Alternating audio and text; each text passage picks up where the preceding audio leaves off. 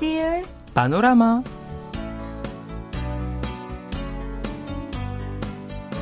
السلام عليكم مستمعينا الأعزاء وأهلا وسهلا. ومرحبا بكم في حلقة جديدة من برنامجكم اليومي سيول بانوراما. نعم وتحية مني أنس مادي. أيها الأحبة من المتوقع أن نرى أكبر قمر سوبر لهذا العام ليلة اليوم حيث أعلن متحف كواتشون الوطني للعلوم يوم الأحد الماضي أنه يخطط لعقد حدث خاص لمراقبة قمر العملاق في المرصد الليلة الثالث عشر من يوليو مجانا. نعم وتعد هذه المرة الأولى منذ حوالي عام التي يظهر فيها قمر عملاق منذ السادس والعشرين من مايو من العام الماضي. ومن المعروف أن القمر العملاق هو قمر مكتمل عندما يكون القمر أقرب إلى الأرض. بمعنى آخر لا يكبر القمر فعليا لكن حجم القمر يبدو مختلفا لمن يراه من على الأرض. نعم وعادة يبدو القمر العملاق أكبر بنسبة 14% مما هو عليه في الأحوال العادية وسطوعه يزيد بنسبة 30% عن القمر العادي. نعم. ويتكون هذا الحدث من محاضرات ودروس عملية وبث مباشر عبر الإنترنت بالإضافة إلى مراقبة القمر العملاق وسيوقد من الساعة السابعة وحتى عشر مساء. ولا توجد قيود على العمر أو العدد للمشاركة في حدث مراقبة القمر. نعم لكن للأسف يعني هذه الأيام الجو ممطر. نعم كثير جدا نعم فإن شاء الله يكون الجو يعني جيد في الليل وممكن نشاهد هذا القمر. نعم وجنوب كوريا لا تمطر. آه، لا تمطر. نعم. آه إذا ممكن نشاهد من نعم هناك. نعم. إذا حتى يعني إذا لم نشارك بالضرورة في هذا الحدث يمكننا مشاهدة مراقبة القمر العملاق مباشرة من خلال يعني قناة يوتيوب لمتحف العلوم الوطنية كواتسون ومع ذلك اعتمادا على الظروف الجوية. قد يتم إلغاء برنامج مراقبة القمر والبث المباشر عبر الإنترنت. نعم صحيح. وسيوقد حدث مراقبة القمر العملاق على نطاق واسع لأول مرة منذ ثلاث سنوات بعدما تم تعليقه خلال فترة كورونا. ونأمل أن تكون هذه فرصة جيدة للكثير من الناس لتقديم أمنيات وتجربة أشياء مختلفة في أثناء مشاهدة أكبر قمر عملاق هذا العام. نعم أعتقد أنه لن يكون يعني سهل المشاركة في الحدث شخصيا لأنه يقام في وقت متأخر من الليل. ولذا سيكون من الجيد مشاهدة القمر العملاق هذا العام من خلال البث المباشر عبر الإنترنت. أكيد. أتمنى أن يكون الطقس صافيا الليلة حتى نتمكن من رؤيته. إذا أيها الأحبة هيا نستمع إلى هذه الأغنية بعنوان تارا وهي بالصوت فرقة جولدن تشايلد تارا تتارا تتارا تتارا تتارا تتارا ويه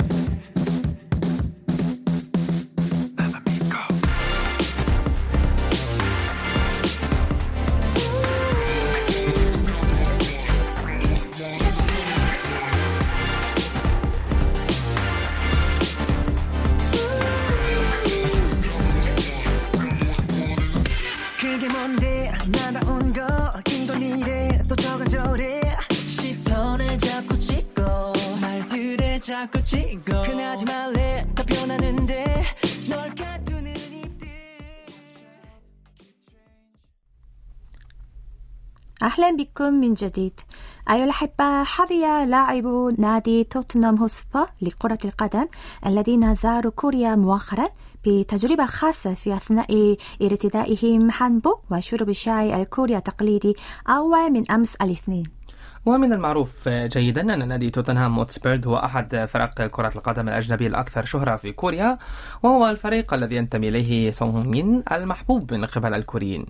وفي اليوم الثاني عشر قال نادي توتنهام عبر مواقع التواصل الاجتماعي إن زملائي سون استمتعوا بوقت خاص من خلال زيارة قرية بوكشون هانوك في اليوم السابق.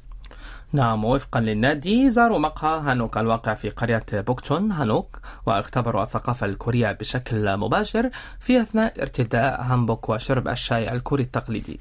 نعم وأظهر مشجع توتنهام اهتماما كبيرا بنشر تعليقات مثل الهانبوك يناسبكم جيدا ولقد رأيت مثل هذه الملابس في دراما الكوريا هكذا. نعم يعني تجدر الإشارة إلى أن اللاعب سون مين ظل يروج للثقافة الكورية داخل الفريق حيث زار مطاعم كوريا مع زملائه لتعريفهم بالطعام الكوري. نعم وبالإضافة إلى ذلك قام سون بتعليمهم اللغة الكورية البسيطة والهانجل.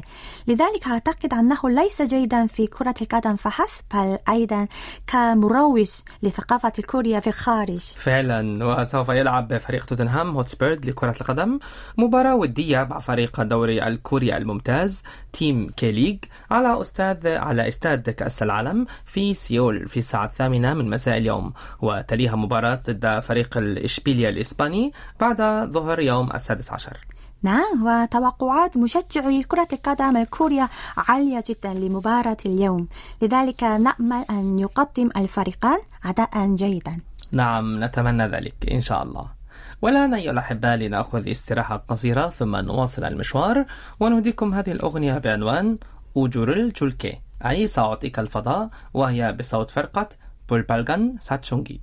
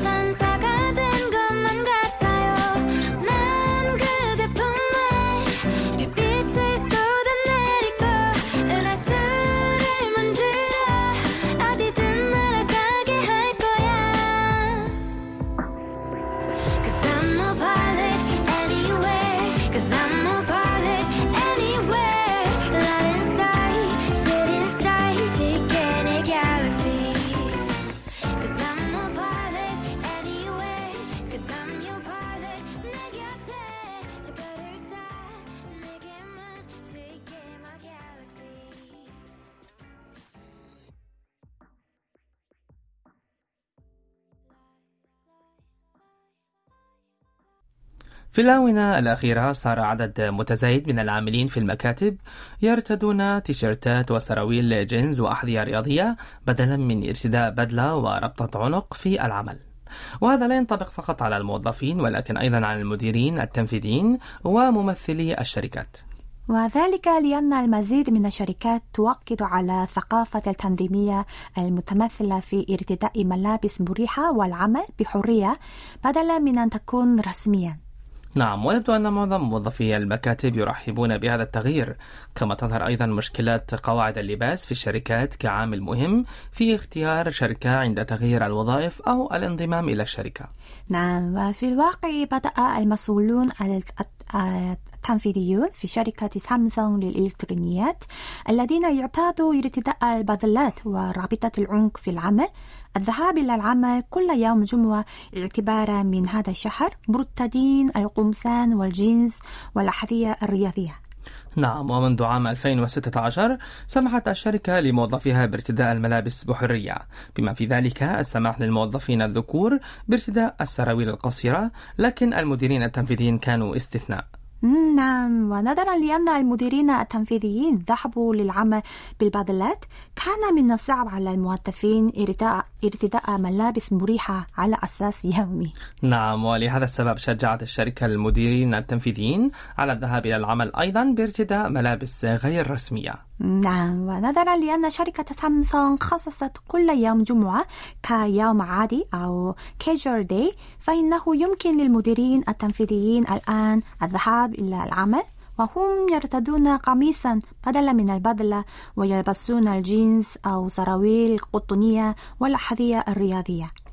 نعم في الواقع يعني نفسه فإن ثقافة السماح للمديرين التنفيذيين بارتداء ملابس مريحة بحرية هي اتجاه يتوسع تدريجيا ويتركز على الشركات الكبيرة.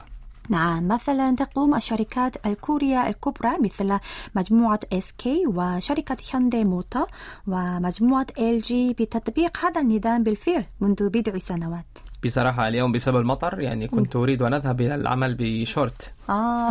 يعني بامباجي ولكن المشكلة أن يعني عندي محاضرة آه. وهذا يعني ليس لائق ليس جيد للمحاضرة. فلذلك لبست بنطلون طويل كمترين وتبللت من المطر عمرو بوسي نعم على كل حال في هذا الصدد قال ممثل لشركة كبيرة السبب في أن معظم الشركات تسمح بالحرية في ملابس موظفيها هو أن عمر رؤساء المجموعات أصبح أصغر من ذي قبل. ومن المهم خلق ثقافة مؤسسية مستقلة وبيئة يصبح فيها جيل الشباب الدعامة الأساسية للشركة. وفي الواقع شركة CJ Olive Young التي غيرت قواعد ملابس العمل إلى ملابس مستقلة في مايو عام 2022 يبلغ متوسط عمر المديرين التنفيذيين والموظفين فيها 29 عاما ومعظمهم من جيل الام زد. نعم وبناء على ذلك قررت الشركة تحرير قواعد اللباس لموظفيها من أجل تعزيز ثقافة تنظيمية شابة ومرنة. وعلى وجه الخصوص جعلت الشركة من الممكن ارتداء القمصان والسراويل القصيرة وكذلك الصنادل بحرية. نعم وأعتقد أن أسرع طريقة لخلق بيئة عمل أكثر مرونة وإبداعا ونشر ثقافة مؤسسية أفقية هي السماح بحرية ارتداء الملابس. وعلى هذا النحو من المتوقع أن تواصل الشركات جهودها لتصبح أكثر جاذبية لموظفي جيل إم زد. نعم أتفق معك تماما. والآن أيها الأصدقاء لنستريح قليلا مرة أخرى ثم نواصل المشوار ونهديكم هذه الأغنية بعنوان هاي هيل وهي بصوت فرقة بريف جيرلز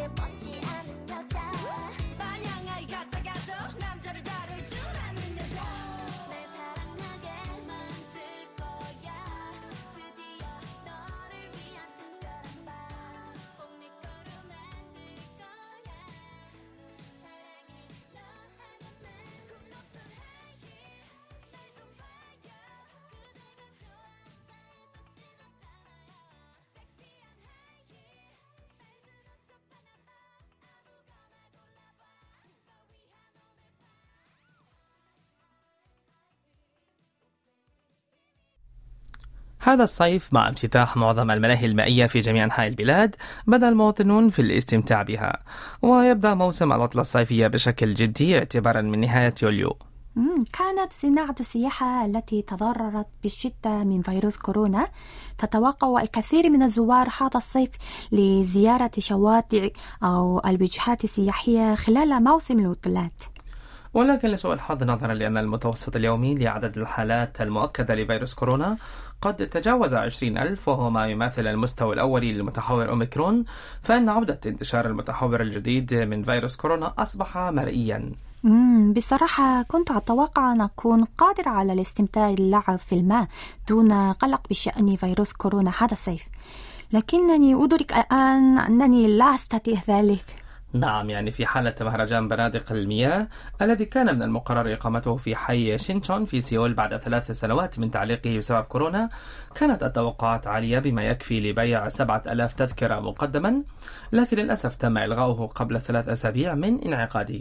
نعم. أعلنت الحكومة المحلية إلغاء المهرجان بسبب مخاوف من الزيادة الأخيرة في عدد حالات الإصابة المؤكدة بفيروس كورونا.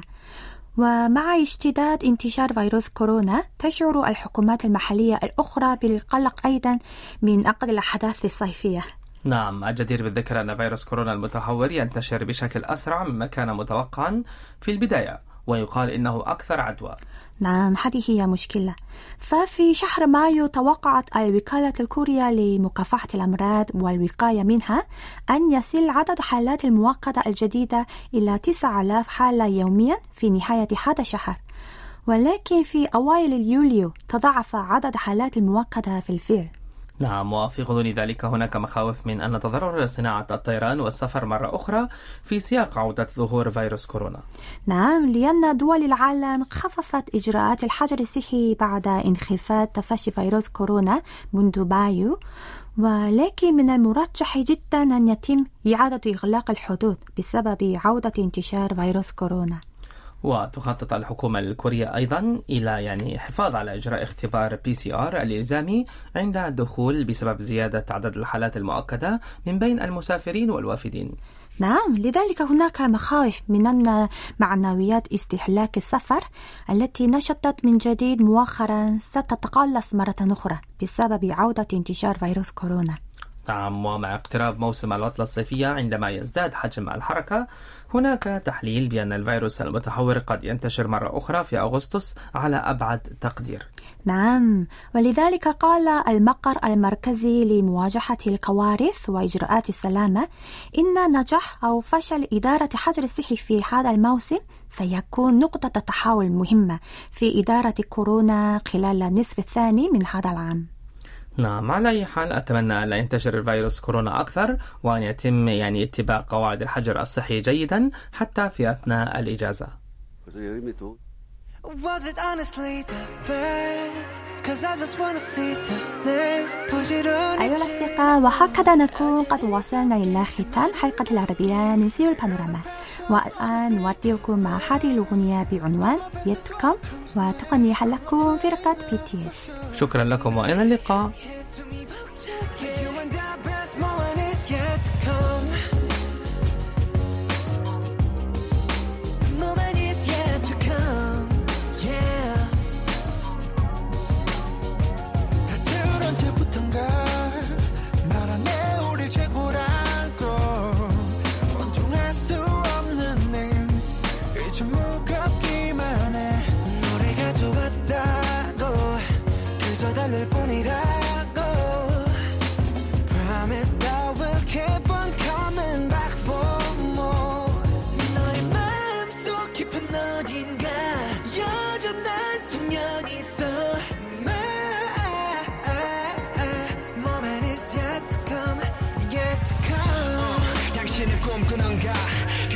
come 모든 게 숨